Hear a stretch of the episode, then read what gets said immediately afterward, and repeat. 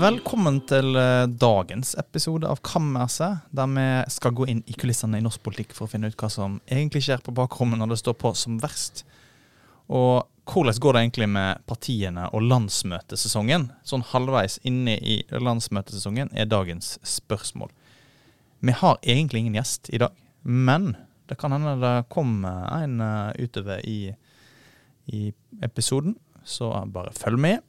Og før vi går inn på kammerset, så skal vi gå en tur innom forværelset for å kikke litt på hva som har gjort inntrykk på oss. Politisk redaktør Berit Aalborg, nyhetsredaktør Lars Inge Staveland og meg sjøl, kommentator Emil Andrestad, den siste uka. Og du, Lars Inge, du var så ivrig etter å fortelle hva som har gjort inntrykk på deg den siste uka, så du kan få begynne.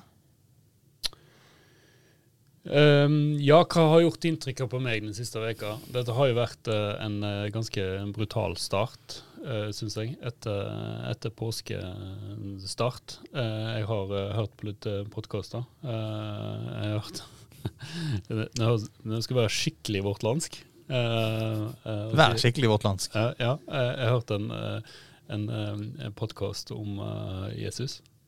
En podkast om Jesus? Ja, en, en historisk podkast om Jesus. Uh, så, så, den var Som blant annet tar for seg uh, hvor mye historisk korrekt uh, det står i, i, evangeliene, og hva som er basert på rent sannsynlig oppspinn.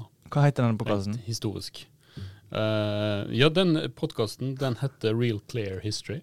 Real Clear History. Ja. Og hva er konklusjonen? Blant annet, blant annet uh, Nei, det, det, dette er jo ting som sikkert abonnentene på vårt land vet uh, veldig godt fra før. Uh, men hvorvidt julebudskapet om at Josef skal ha måttet dratt inn til Betlehem for når Maria skulle føde, det er mest sannsynligvis bare Kan ikke stemme sånn rent historisk. Ellers er det mye i evangelien som faktisk er historisk, historisk korrekt. Ja, så her er en Vårt Land-redaktør som skolerer seg i, i kristen tro? Det ser stadig spennende ting om, uh, om dette på, på, blant historikere. Ja. Veldig bra.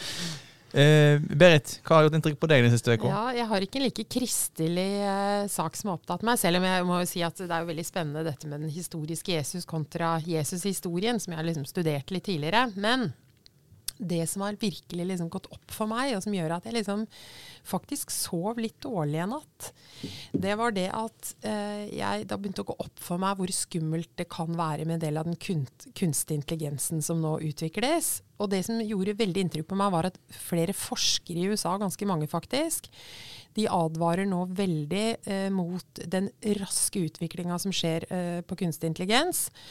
Og de sier at de vil ha en seks måneders stopp i utvikling av et av de store programmene.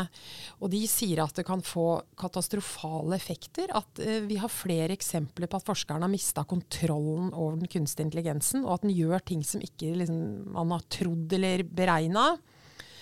Og eh, ja, rett og slett at det er, uh, det er farlig for sivilisasjonen. Og det når jeg begynte å tenke på det, Eh, at det kan komme propaganda. Jeg vet ikke, Det er mange ting som ligger i dette feltet som er skummelt. Så jeg, jeg la meg den ene kvelden etter at jeg hadde sittet både sett et program og lest en del, så kjente jeg at jeg sov litt dårlig.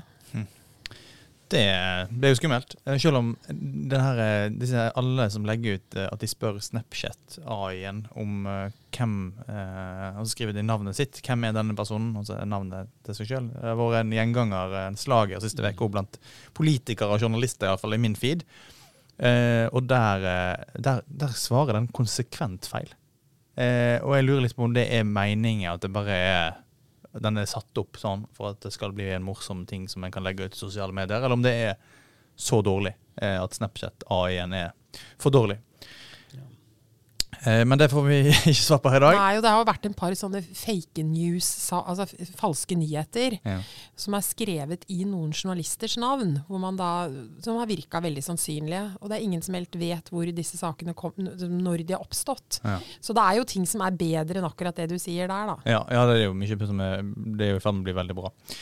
Eh, Sjøl eh, må jeg si at eh, Kjerstin Ekmans eh, eh, Nordisk råd eh, litteraturprisvinnende bok, 'Hendelser ved Vetten', eh, fra 1993 eller 4, Eh, ble jo filmatisert av SVT i, i en TV-serie som gikk på NRK i påska, som en påskekrim. Og det var en påskekrim som jeg vil anbefale alle å se. Eh, den ga ekstremt guffen eh, stemning. Og minner egentlig Det var egentlig Håvard Nyhus, eh, som tidligere jobba i Vårt Land, som skrev på Facebook at den minner om eh, en annen serie, en fransk TV-serie som jeg òg anbefaler veldig, eh, fra flere år tilbake, som heter Le Revenant. Altså De som kommer tilbake, og som handler om en liten alpelandsby der det plutselig dukker opp mennesker som, som hadde vært døde i flere år.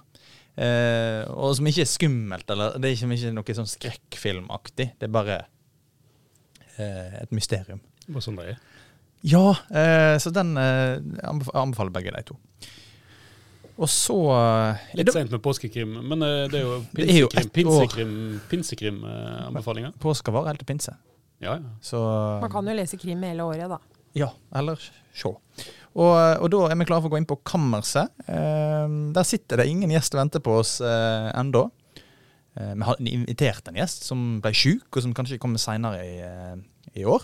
Eh, men eh, vi kan hende vi får en, eh, En partileder. ja, en partileder. Ja, En anonym partileder. Det får vi si, for å holde oppe stemninga. En anonym kvinnelig partileder, kan man også si. Det kan vi også si. Dette blir, uh, dette blir spennende. Uh, det kan hende det kommer en gjest. uh, kan det ikke komme kongen i dag.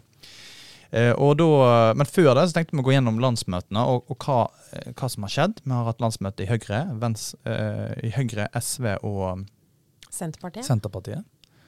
Og i morgen er det landskonferanse i Venstre. Dit skal jeg og snakke.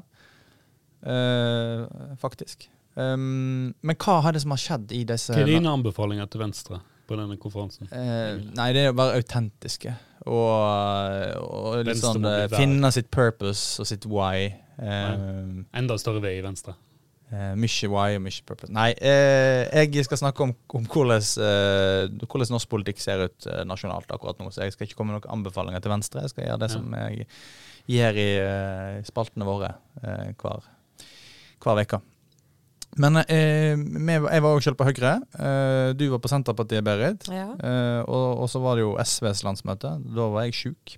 Men eh, eh, Det var også et spennende landsmøte, da med valg av ny leder og Ja. ja. Er det noe Og- dere merker dere, liksom? Nei, altså Senterpartiets landsmøte som jeg var på, blei jo eh, Det var jo mange saker som man hadde tenkt Jeg tror det var veldig mange ting som mange journalister hadde tenkt å lage saker om og stille spørsmål til Vedum om. Og jeg tror flere, flere kommentatorer hadde skrevet ganske mye ferdige kommentarer om Vedum. Jeg sjøl hadde skrevet en kommentar ferdig, nesten. Og så kom hans eh, uttalelser om at han hadde fått MS. Og da tror jeg mange av oss måtte skrive om. Og det blei Altså Stemninga blei en helt annen på det landsmøtet. Det blei mye fokus på at han faktisk er sjuk. Og jeg må jo si at jeg er imponert over at han greide å stå gjennom det løpet. Men en del av den liksom, kritiske trøkket som det alltid vil bli på en finansminister som er partileder, det liksom, lufta ble tatt litt ut av det hva skal vi si, den, eh, den runden der, da. Men, men, men det er jo imponerende at han har greid å stå i det. Altså, for at det er jo en av de tøffeste politiske jobbene i Norge. Den er, altså, å være finansminister er veldig krevende.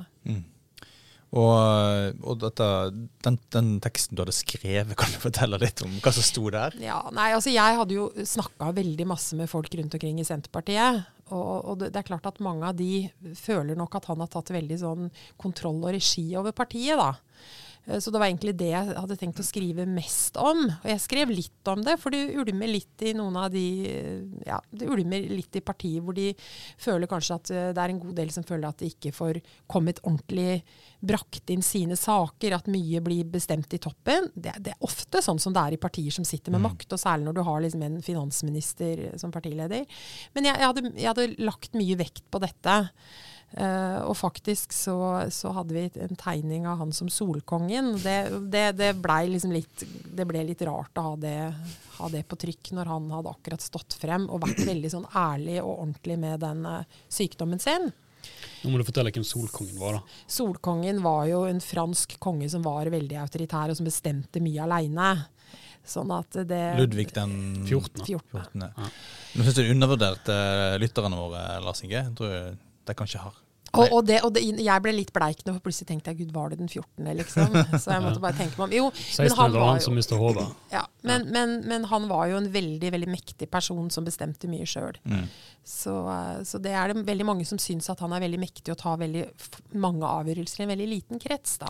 Og det der, eh, den kritikken mot uh, Trygve Slagsvold Vedum som, som der kommer, den, er den uh, det, når, var, det, var det en plan bak dette? Altså Mange har jo kritisert, eh, eller liksom latt seg eh, imponere av at han har holdt på mm. sånn som han har gjort, selv om han har vært syk og, og fått MS. Men det, å, det er jo flere år siden han fikk eh, MS, og så har han gått helt fram til nå og, og, og brukte Du tenker på om det var en plan at han ja, er det, altså Lars Vangen, hans uh, spinndoktor, eh, Ja. og berømt spinndoktor i Senterpartiet, som har fått til veldig vært en del av strategien, eh, lagt mye av strategien sammen med Vedum. Hvor kynisk er han egentlig? Vet du hva, jeg tror faktisk altså, Dette vet jeg jo ikke, og vi pleier jo ofte å spekulere om politikere er kyniske. Men jeg tror også det er sant det som blir sagt, at det var nok ganske mange som begynte å vite om at han var syk.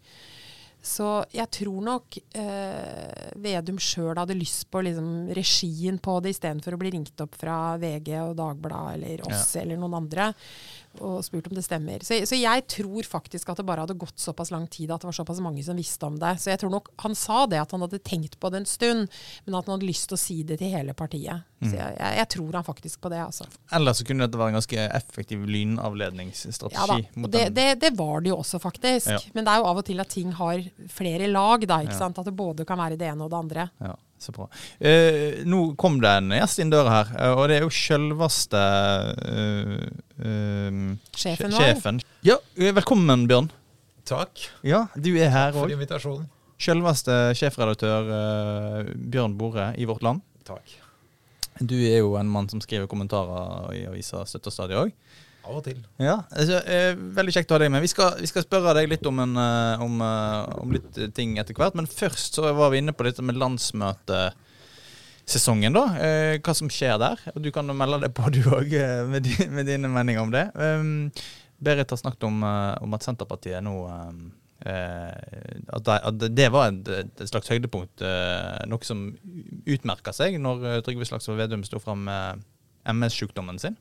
Ellers hadde jo eh, Kirsti Bergstø blitt SV-leder. Eh, relativt lite eh, oppmerksomhet rundt selve ledervalget, men kanskje mer oppmerksomhet rundt ordbruken hennes i en tale hun holdt etterpå. Røkke Rana-kysten. Ja. Ja, og det var jo Det, det er jo liksom hun, hun har jo en litt annen type retorikk enn eh, Audun Lysbakken har hatt, kanskje. da.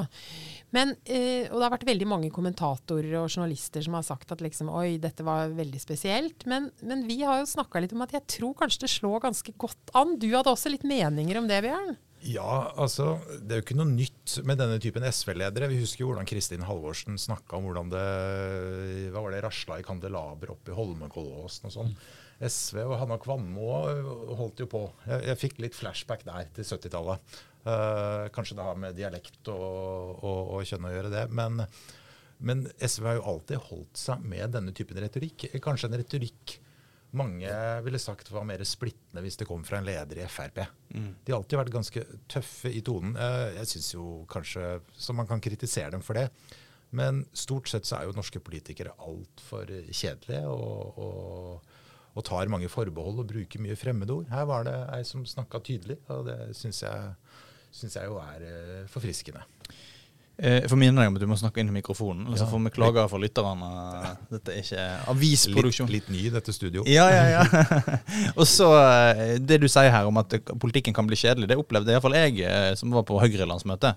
Det var, det var en oppvisning i styringsansvar og, og Men Høyre behøver jo ikke å gjøre noe, for de går jo bare opp så det suser all the time. Så de kan bare sitte det var så seg fascinerende. tilbake. Jeg vet ikke hvor mange intervjuer i, forkant av landsmøtet der de sa, insisterte på at eh, nei, vi sitter ikke stille i båten. Ja. Det var viktig, fordi nei, vi sitter overhodet ikke stille i båten. Vi reiser rundt i Norge, og det har du helt rett i. De bruker masse tid å reise rundt, men de, Det er ikke så mye ny politikk, og det er jo heller ikke nødvendig, sannsynligvis. Så de er jo i en situasjon der veldig mange vi, altså vinnerresepten. ja, De er jo i flytsona.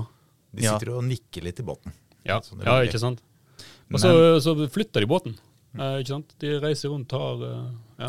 Og det er jo jeg, det jeg merker der, i hvert fall, og som jeg skrev kommentar om, er jo liksom den eh, kult, eh, kultusen rundt Erna Solberg. Eh, hvor, hvor sterk den er, og hvor samlende den er, og hvordan den kan legge litt sånn eh, tåka, tåkelegge uenigheter, og ideologiske sterke uenigheter som det fins i Høyre. Men, Eh. men, men den typen kultus den varer jo stort sett bare i medgangstider. Du hadde jo en slags Vedum-kultus i Mm. Senterpartiet. Den er litt svakere med meningsmålingene nå. Så, så du får jo det i oppgangstider, så genierklæres jo lederen.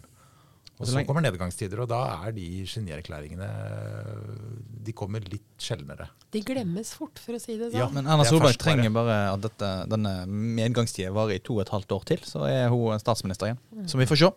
Eh, men, Men vi må jo snakke litt om Arbeiderpartiet, da. Som Ja, for nå- statsministeren. nå, nå kommer Arbeiderpartiet og Arbeiderpartilandsmøtet kommer ganske snart. Og, og det pågår jo ganske intense spekulasjoner i, eh, i media om hvem som skal inn i Ap-ledelsen. Berit, eh, du skrev en kommentar her nå for et par dager siden om, eh, om at det eneste Arbeiderpartiet ikke trenger nå, det er ro.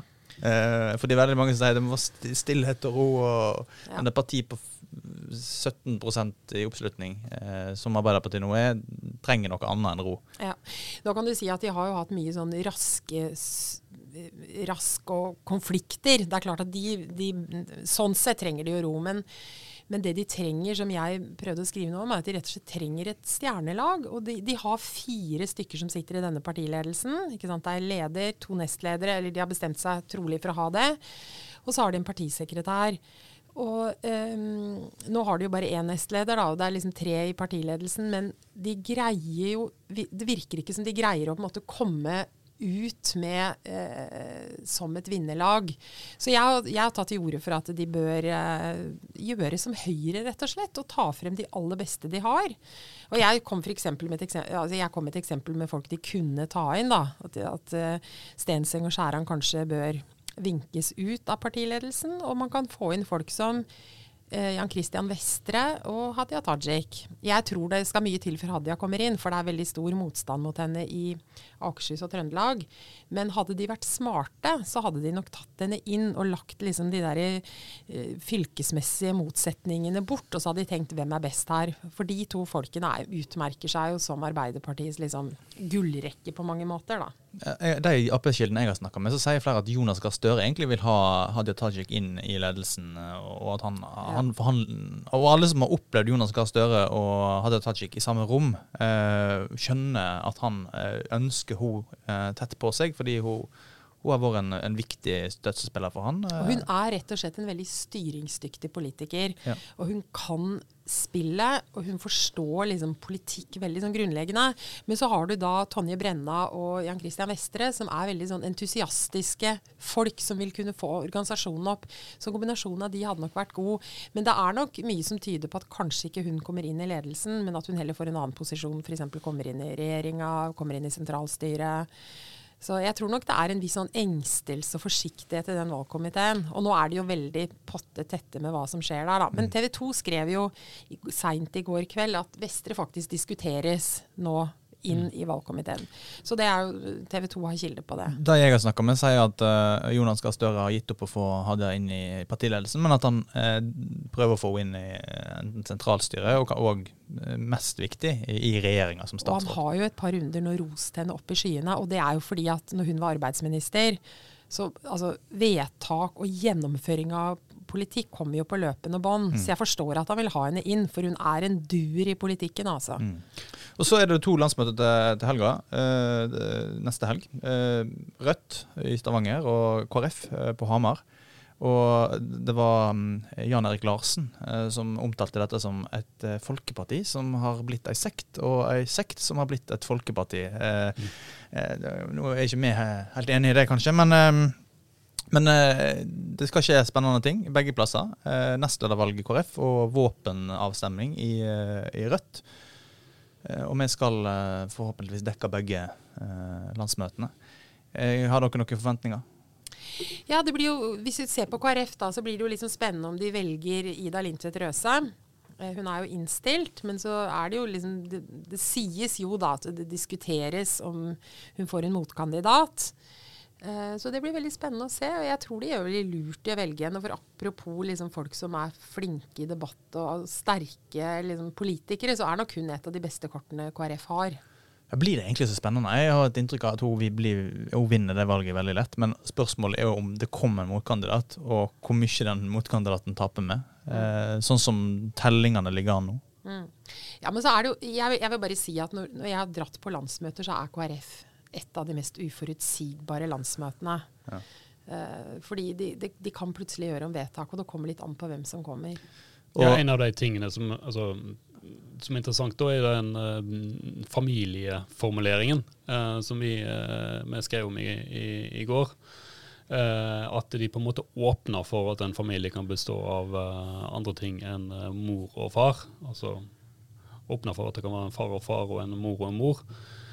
Eh, men du har jo dekka landsmøter i KrF eh, lenge. Eh, altså bare er, er, er, det gitt at noe sånt går igjennom? Nei, altså jeg, dette husker sikkert du også, Emil. fordi at de hadde jo, Jeg husker ikke akkurat spesifikt formuleringa. Jeg tror det var åtte år siden. Da hadde de en sånn litt utvida familiebegrep som de ville ha mm. inn. Og det eh, Ledelsen hadde gått inn for det, og den komiteen som satt og gjorde endringer, hadde gått inn for det sentralstyret. Men da ble det et lite opprør på landsmøtet der hvor det ble tatt bort. Og da ble det stående igjen, så vidt jeg husker, da at er, ekteskapet er mellom en mann og en kvinne. Og det blei stemt inn med stort flertall. Så det er derfor jeg sier på en måte at det er en type parti der KrF er et som MDG, som flere andre litt mindre partier. Liksom type grasrotparti hvor plutselig det kan skje veldig store endringer i på landsmøtet? Ja, det er, mye, det er ganske seigt å få gjennom sånne endringer i KrF. Eh, og, og Derfor tror jeg det er mye mer eh, usikkerhet knytta til det eh, som vi skrev om her tidligere i uka og um, enn om Ida Lindtveit Røse blir valgt som nestleder. Men Kan det på en måte henge litt sammen? Altså Hvis uh, hun Røse framstår som kanskje litt mer den liberale uh, fløyen, stemmer ikke det? Uh, og at de da ikke ønsker liksom flere vedtak som går i den retning. Det er klassisk KrF, sånn som jeg kjenner partiet. De kan velge henne og stramme inn ja, det er, det er klassisk KrF, sånn som jeg kjenner partiet. At, at en sånn ja, kom, kom, kom, eh, kompenseringsstrategi. da. Mm. Men uh, den sier at KrF er et uforutsigbart parti. Men et parti som virkelig er uforutsigbart på landsmøtet, det er Rødt. For i Rødt så har altså da alle lokallag én delegat hver. så det, det, er mye lettere å, se for seg et styrkeforhold på et KrF-landsmøte som har en, en proporsjonal delegatberekning, så har en i, i Rødt én delegat per lokallag. Veldig vanskelig ja. å telle. Eh, og, og ja, ingen veit hvor haren hopper, for da teller det jo like mye. Og det er jo veldig mange flere delegater, altså veldig mange flere velgere eller medlemmer bak en delegat fra Oslo enn f.eks. Nordland. Der ja. kan du ha en delegat som omtrent bare har tre personer bak seg. Nordland har jo veldig mange kommuner og lokallag, eh, og derfor har veldig mange delegater på, på landsmøtet. Og, men eh, nå viser det seg at i Nordland så er det mange som da vil stemmer eh, for eh, ledelsens forslag til en mer hva skal jeg si, Ukraina-vennlig våpenpolitikk, å gi våpen til Ukraina. Ja, Så det blir spennende. Men vi har jo fått Bjørn inn her. Og Bjørn Bore, du har jo meninger om mye. Og i, akkurat nå så har du sendt en tekst til trykken som eh, avblåser eh, fullstendig at det skal bli noen ny EU-debatt i, i, Norge. Den kommer på trykk i morgen tidlig på lørdag. Ja, altså tittelen må jeg innrømme jeg har stjålet fra en uh, kjent norsk politiker som uh, har følgende analyse. Norsk EU-medlemskap er en løsning på jakt etter et problem. For hvilket problem i norsk politikk vil et EU-medlemskap løse? Og Det syns jeg er et godt spørsmål. Altså Det er veldig gode argumenter for norsk EU-medlemskap, og det er gode argumenter mot. Men vil det bli lavere rente og lavere strømpriser med EU-medlemskap? Nei. Uh, vil det bli mer penger til sykehusene eller bedre eldreomsorg? Det skal godt gjøres å argumentere for det. Jeg tror heller ikke at uh, ulven blir vegetarianer, eller at Østfoldbanen vil gå mer regelmessig. Vi må spørre oss hvilket sentralt problem som norske velgere er opptatt av og prioriterer. vil løses med et norsk EU, ja. Og da skal du lete godt. Så det er det ene. Det andre er jo Og så kom jo dette argumentet, men, men burde ikke ungdommen få stemme? For jeg var jo 24 år da, i 1994. Så alle som er Og hvor jobber du? Da jobba jeg i Nei til EU. Jeg, med, jeg jobbet i en organisasjon som ble stiftet av Aftenpostens øh, Det er faktisk Kjetil Bragli Alstein, politisk redaktør i Aftenposten, var en av, stifterne. Og, og, så husker jeg at jeg jobba i informasjonsavdelingen der. Og mitt motstykke i Europabevegelsen, eller ikke mitt motstykke, for var jo, jeg var ikke sjef, det var jo Frank Rossavik som er kommentator i Aftenposten. Så det er jo mange, det er jo mange journalister og redaktører som har en fortid. Uh, men dette er jo 29 år siden, da. Uh, var, jeg var jo, stemte jo nei i 94, da, men uh, i dag ville jeg måtte tenkt meg nøye om. For det både Norge og Europa og verden og, og, meg selv har jo forandret seg ganske mye på disse 29 årene. Så jeg ville tenkt meg nøye om. Selv om jeg aldri liksom har sagt at nå har jeg snudd. Mm. Det har aldri vært et sånt øyeblikk. Uh, men burde ikke de unge få stemme, da? Og uh, det er jo det er jo et sympatisk argument. Men for det første, da, hvis vi ser på, eh, så er jo ungdommen sterkt imot. Altså Hadde vi spurt de unge i dag, så hadde det blitt et solid nei. Eh, det eneste aldersgruppen der det er ja-flertall i Norge, er folk over 80 år. Og den gruppen som er nest mest positiv, er de over 70 år. Så jeg skjønner jo i og for seg at ja-siden nå ivrer for en ny avstemning, for velgerne deres er jo i ferd med å dø ut. Men, men ja, burde ikke de unge få si sin mening? Men de får jo det. Altså, vi har jo noe som heter stortingsvalg hvert fjerde år. Og Hvis man er veldig veldig for EU-medlemskap, så ville jeg jo stemt på høyre eller venstre. da. Og da, for de ønsker jo en ny folkeavstemning. Uh, for det, for det, er jo Stortinget som avgjør når det skal bli folkeavstemninger i Norge. Så da må man stemme inn partier som vil ha en ny folkeavstemning. Og Jonas Gahr Støre, da. Hmm? Og Jonas Gahr Støre og Arbeiderpartiet er jo Arbeiderpartiet er nok litt mer delt. For det, det vi ser er jo at altså, Det ligger jo som en sånn uh, mine under e, enhver tenkelig regjeringskoalisjon i Norge. Med mindre vi ser for oss et rent flertall av venstre og høyre. da.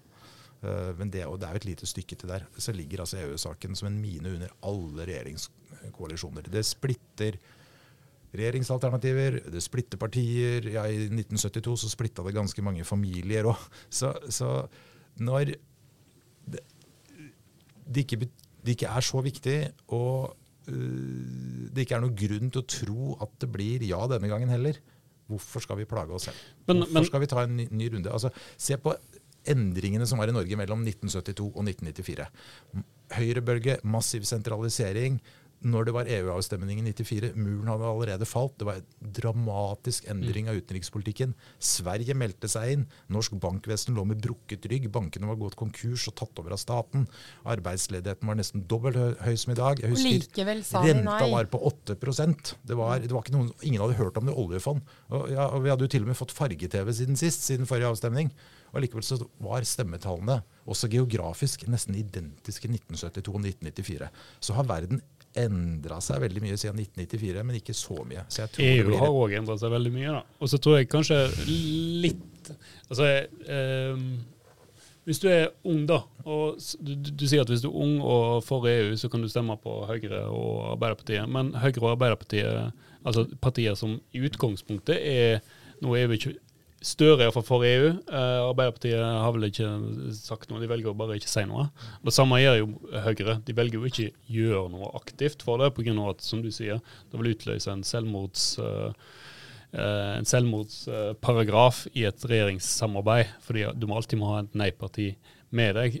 Så jeg tror nok kanskje at enkelte velgere føler en litt sånn apati, da. Fordi uansett hvor stort flertallet for EU i utgangspunktet er på Stortinget, så vil det ikke bli noe debatt. Så, og det er nok av folk som stemmer Høyre for tida. Sånn sett. Ja, da, nok av folk er et. Men, uh, og ja. går, nå går de jo til valg på det. Altså Erna Solberg dro jo dere fram under landsmøtet. Men jeg har jo lurt på en ting. Alle som nå argumenterer om at ungdommen må få lov til å stemme. La oss snu på det da, og si at det ble ja i 1994, og Norge var medlem av EU i dag. Ville de argumentert for at nå er det kommet en helt ny generasjon med velgere, nå må vi ta en Nord-exit-avstemning? Er det slik at når man er blitt medlem av EU, så skal man stemme på nytt hvert 25. år? Fordi at nå har det kommet en hel ny generasjon velgere til som ikke fikk sagt viljen sin. For, altså Vi kan ikke holde på å ha omkamper til evig tid. Norge har hatt to avstemninger historisk sett ganske nylig hvor mange omkamper skal man ta? Men kan jeg få ta en liten, overta en liten programlederposisjon fra deg, Emil? Fordi vi har jo eh, blitt enige om at du mener jo noe annet. Og du har tenkt til har å tenkt å skrive, skrive, og det er jo litt spennende at vårt land har da litt ulike syn, som de fleste holdt jeg på å si, partier og institusjoner og sånn. Hva er det du har tenkt å skrive for noe en av de kommende dagene? Nei, jeg tenkte å gi sjefen, sjefredaktør, øverste sjefen i vårt land tilsvar i avisa hans. Så det er vel bare noe en kan gjøre hvis en har veldig sterkt stillingsvern. Eh, og det har vi heldigvis. Så eh, Ja. Nei, men altså, dette her eh, Jeg syns jo Én ting er å si at det, det, blir, det, blir, det er så kort tid siden. Det var mye lengre tid mellom 1972 og 1994 enn det, det siden 1994. Og, og vi skal jo ikke ha en EU-avstemning i morgen. Det er jo ingen som diskuterer det. Spørsmålet om det er noen år fram i tid skal være en EU-avstemning eller ikke. Eh, og så kan en godt mene at det ikke er sjans eh, for det. Jeg er likevel for eh, et norsk EU-medlemskap. Eh, spørsmålet er jo om, om, om EU-avstemning eller en avstemning er jo et mer strategisk spørsmål. Men at det er riktig med et norsk EU-medlemskap, det mener jeg er veldig mange gode argument for. Uh, og, og en av dem er jo liksom uh, Bjørn, jeg har tjuvlest litt på teksten din, da, Bjørn. Og du skriver annet at vi er veldig lykkelige uh, her i Norge. Så hvorfor why, why change a winning team? Um, men nå er jo svenskene og, og finnene og danskene mer lykkelige enn oss. Og de er alle medlemmer av EU, så det kan jo ikke være et argument for å melde seg, ikke melde seg inn. Eh, Men det som er et argument for å melde seg inn, er jo at hvis vi skal være et, et godt integrert eh, nordisk, eh, skandinavisk region, at vi skal ha et tett forhold til nabolandene våre, Finland, Sverige, Danmark, som alle er medlemmer av- EU, og som nå er på vei inn i Nato, og der vi da er den som står ute. Så lenge Finland og Sverige ikke var med i Nato, så kunne vi på en måte argumentere for at ja, men vi, er- er mer innen deg. Eh, men nå er det eh, Norge som er det landet som står mest ute, eh, hvis da Sverige får sitt eh, Nato-medlemskap om kort tid. Og så er det norske velgere sine behov og følelser og sånn. Jeg vet ikke om det er det som er hovedargumentet for at vi bør være medlemmer i, i EU, eller om det skal være det styrende for norske politikere i en tid der demokratiske institusjoner, frihet, eh, viktige grunnleggende verdier i vår tid er under press. Krigen i Ukraina. Em, eh, å være en del av et europeisk fellesskap som, som slår helt grunnleggende friheter fast i vår tid. Det tenker jeg er Jeg synes du har, jeg synes, altså, Det er veldig mange svært gode argumenter for EU, og du, du, du peker på noen av dine, de beste. Nå nå var ikke lykkemålingen mitt sentrale argument, da. men du peker nettopp på, på fredsargumentet er jo øh, det beste salgsargumentet til EU. Og, og en grunn til at folk over 80 år er for EU, er jo at de husker krigen. Altså, nå, øh, min far øh, var jo EU-tilhenger på sin hals. Jeg hadde også en bestefar som satt på Stortinget på KrF. og jeg tror Han mista, han ble ikke renominert fordi han var ja-mann.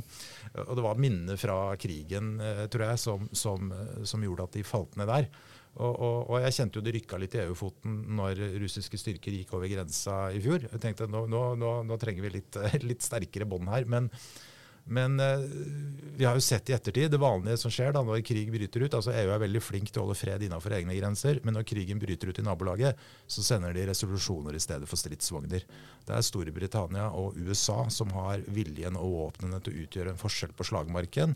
Eh, og Polen, da, et av de nye. Tyskland og Frankrike. Men eh, Tyskland og Frankrike drar jo føttene etter seg. eh, og, og, og det ser vi også i striden om Taiwan-stredet f.eks. Altså det, det er en manglende vilje i EU til å konfrontere eh, imperialistiske diktaturer. De vil heller gjerne gjøre business med dem, og det bærer sikkerhetspolitikken til EU preg av, dessverre.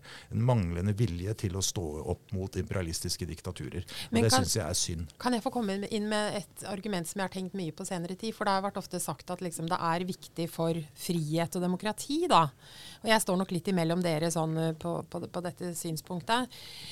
Men, men det er jo faktisk også sånn at utenrikspolitikken er jo en del av det Norge har eh, hva skal vi si, mer kål på ved å stå utafor. Og så kan man si at vi kunne inkorporert oss og vært en del av det. Men det er jo også litt sånn at Norge kan også være et korrektiv da, til EU. Eh, og, og, som Nato-medlem og som et veldig, skal vi si, et slags veldig lojalt EØS-land, så har vi også en egen stemme. Og det har jeg i noen sammenhenger tenkt at har vært litt viktig. Så, så det finnes sånne demokratiargumenter og frihetsargumenter begge veier der. Jeg tror eh, Det er en ting som ikke kom opp her, og det er jo eh, hva, altså måten EU har forandra seg på. For Vi snakker om EU som fredsprosjekt, og det er klart har EU eh, Hvor mange divisjoner har EU, liksom? Eh, ja, helt åpenbart. eh, EU er ikke verdens mektigste militærmakt, men jeg tror det er én ting som eh, som kanskje du, Bjørn, tar litt lett på. og Det er jo at tidligere, altså i 94, eh, bare si at da hadde jeg akkurat ikke stemmerett. Det syns jeg var fryktelig dumt, for jeg var veldig imot. Eh, men eh, da var jo EU et slags sånn eh, markedsliberalt fyrtårn som venstresida i Norge var veldig, veldig imot. Og nå står vi i en situasjon der for å løse klimaendringene, så må du ha en sterk eh, statlig eller en du må ha en sterk offentlig aktør som på en måte går inn og tar kontrollen og viser vei. da. Nå har vi en situasjon der EU har gjort masse som får store konsekvenser for uh, Norge, bl.a. strømprisene. Uh, og der har vi jo valgt å stå på sidelinja. Uh, så jeg tenker at EU er noe litt annet nå enn det var den gangen. Uh, og EU sin rolle i, uh, i, det kommer til, tror jeg kommer bare til å bli sterkere og sterkere. Den kommer til å komme tettere på norske forbrukere òg. Uh, og da blir heller spørsmålet uh, hvordan skal en påvirke det? Skal en sitte på i Norge og si ja eller nei uten å helt ha makt til det?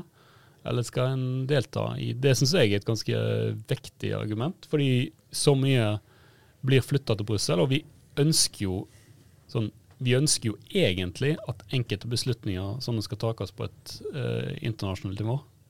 Kanskje. Det er, det er, jeg gjør iallfall ja, det. Jeg òg gjør det. Det er jo uh, interessant. Men, og EU har jo forandra seg siden 94.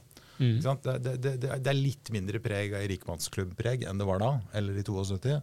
Uh, og, og, og, og, dette argumentet var jo viktig i 1994, men det var jo et annet argument som virkelig dro ja-siden i 1994, og det var jo at dette var så utrolig viktig for norsk økonomi.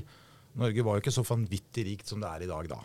Og, og, og hele ja-siden sto jo fortalt om hvor forferdelig dårlig det ville gå med norsk økonomi hvis vi sto utenfor. Og det argumentet har nok blitt svekket mer enn eh, nei-sidens argument om EU som en rikmannsklubb. For siden 94 har jo Norge vært gjennom en velstandsvekst ingen kunne se for seg var mulig.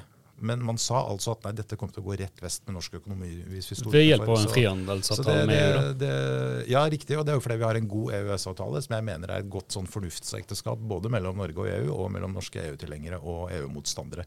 Det gjør en rekke konstruktive regjeringskoalisjoner mulig.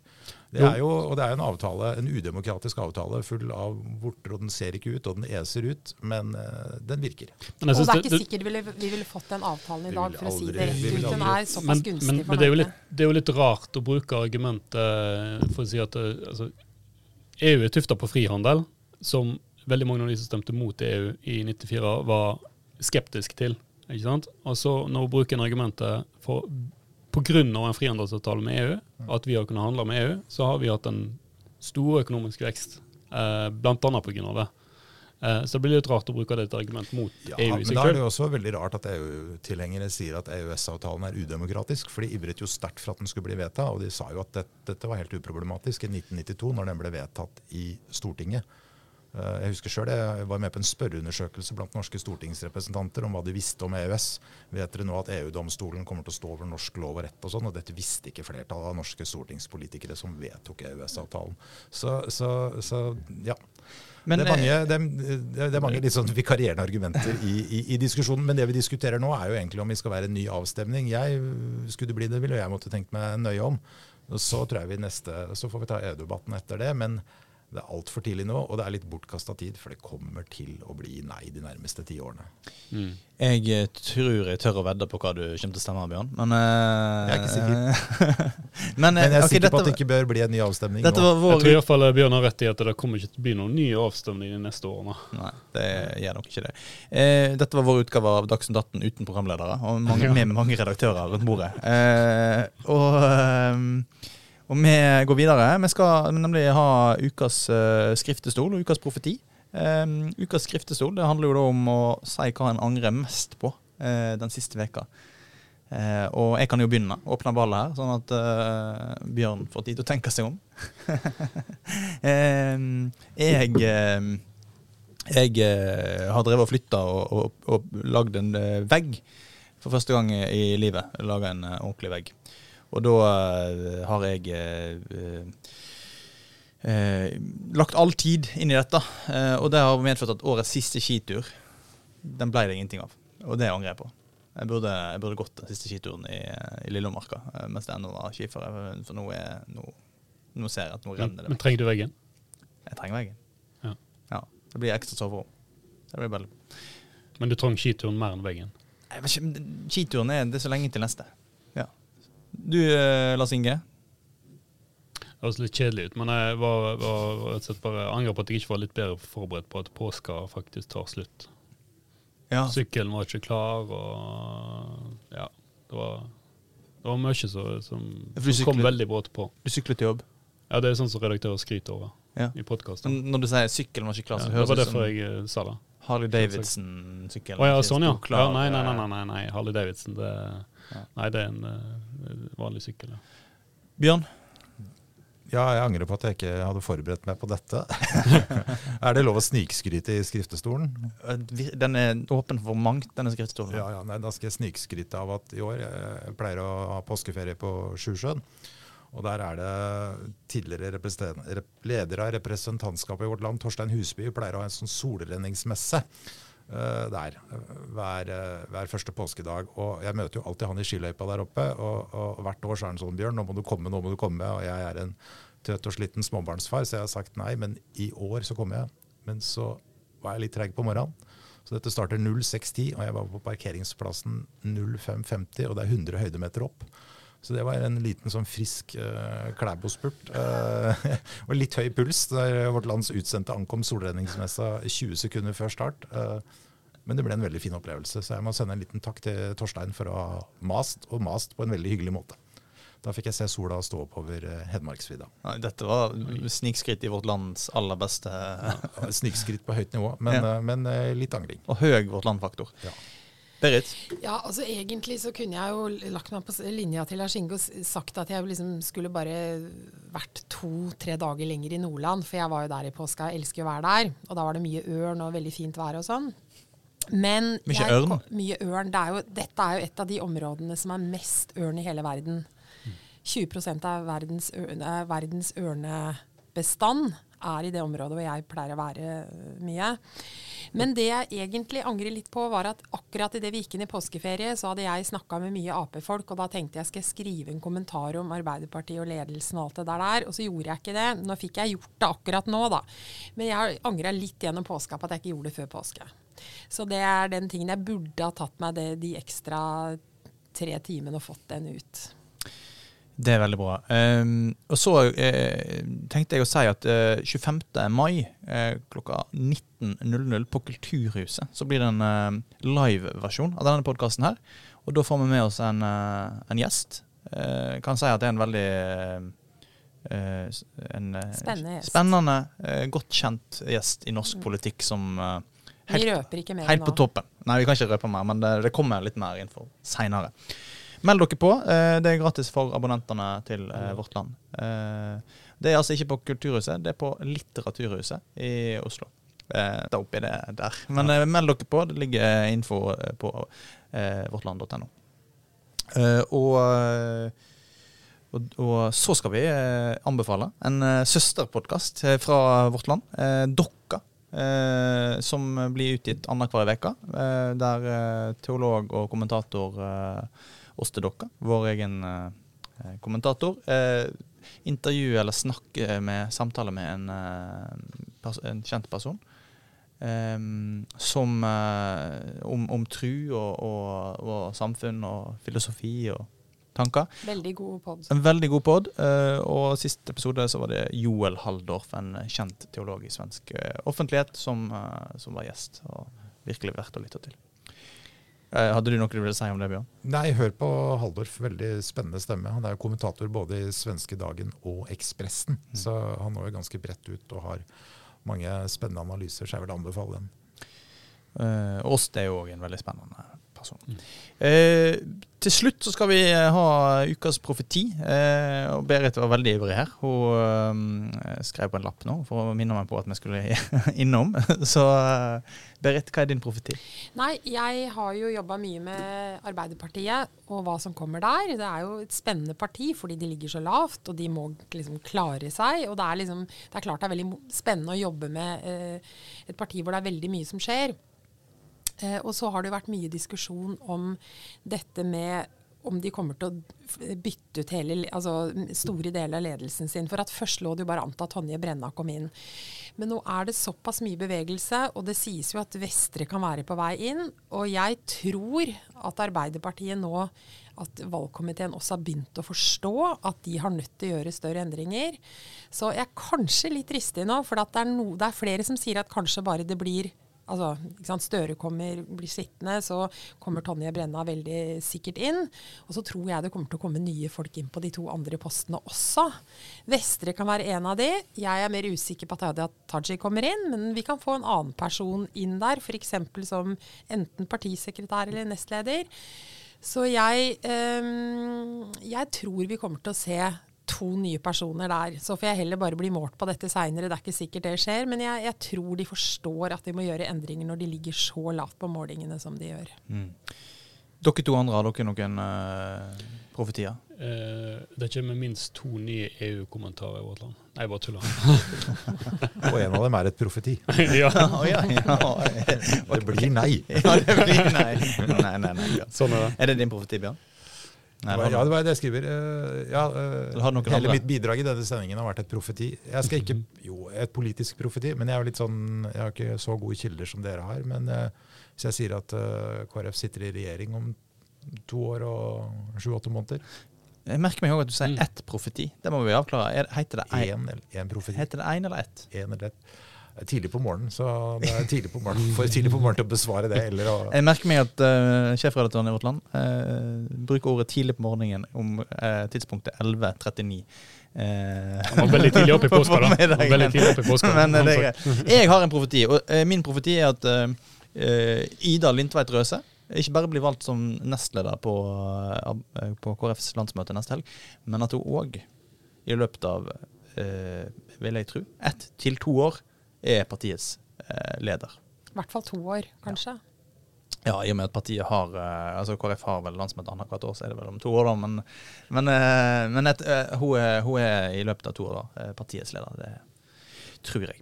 Vi er tilbake med en ny podkast neste uke. Nå kan dere som lytter, sende oss innspill på gjester dere vil ha med i podkasten. Og ris, ros og andre ting på alfakrø... Nei, på e-postadressa kammerset alfakrøllvl.no, og så er vi snart tilbake med en ny episode.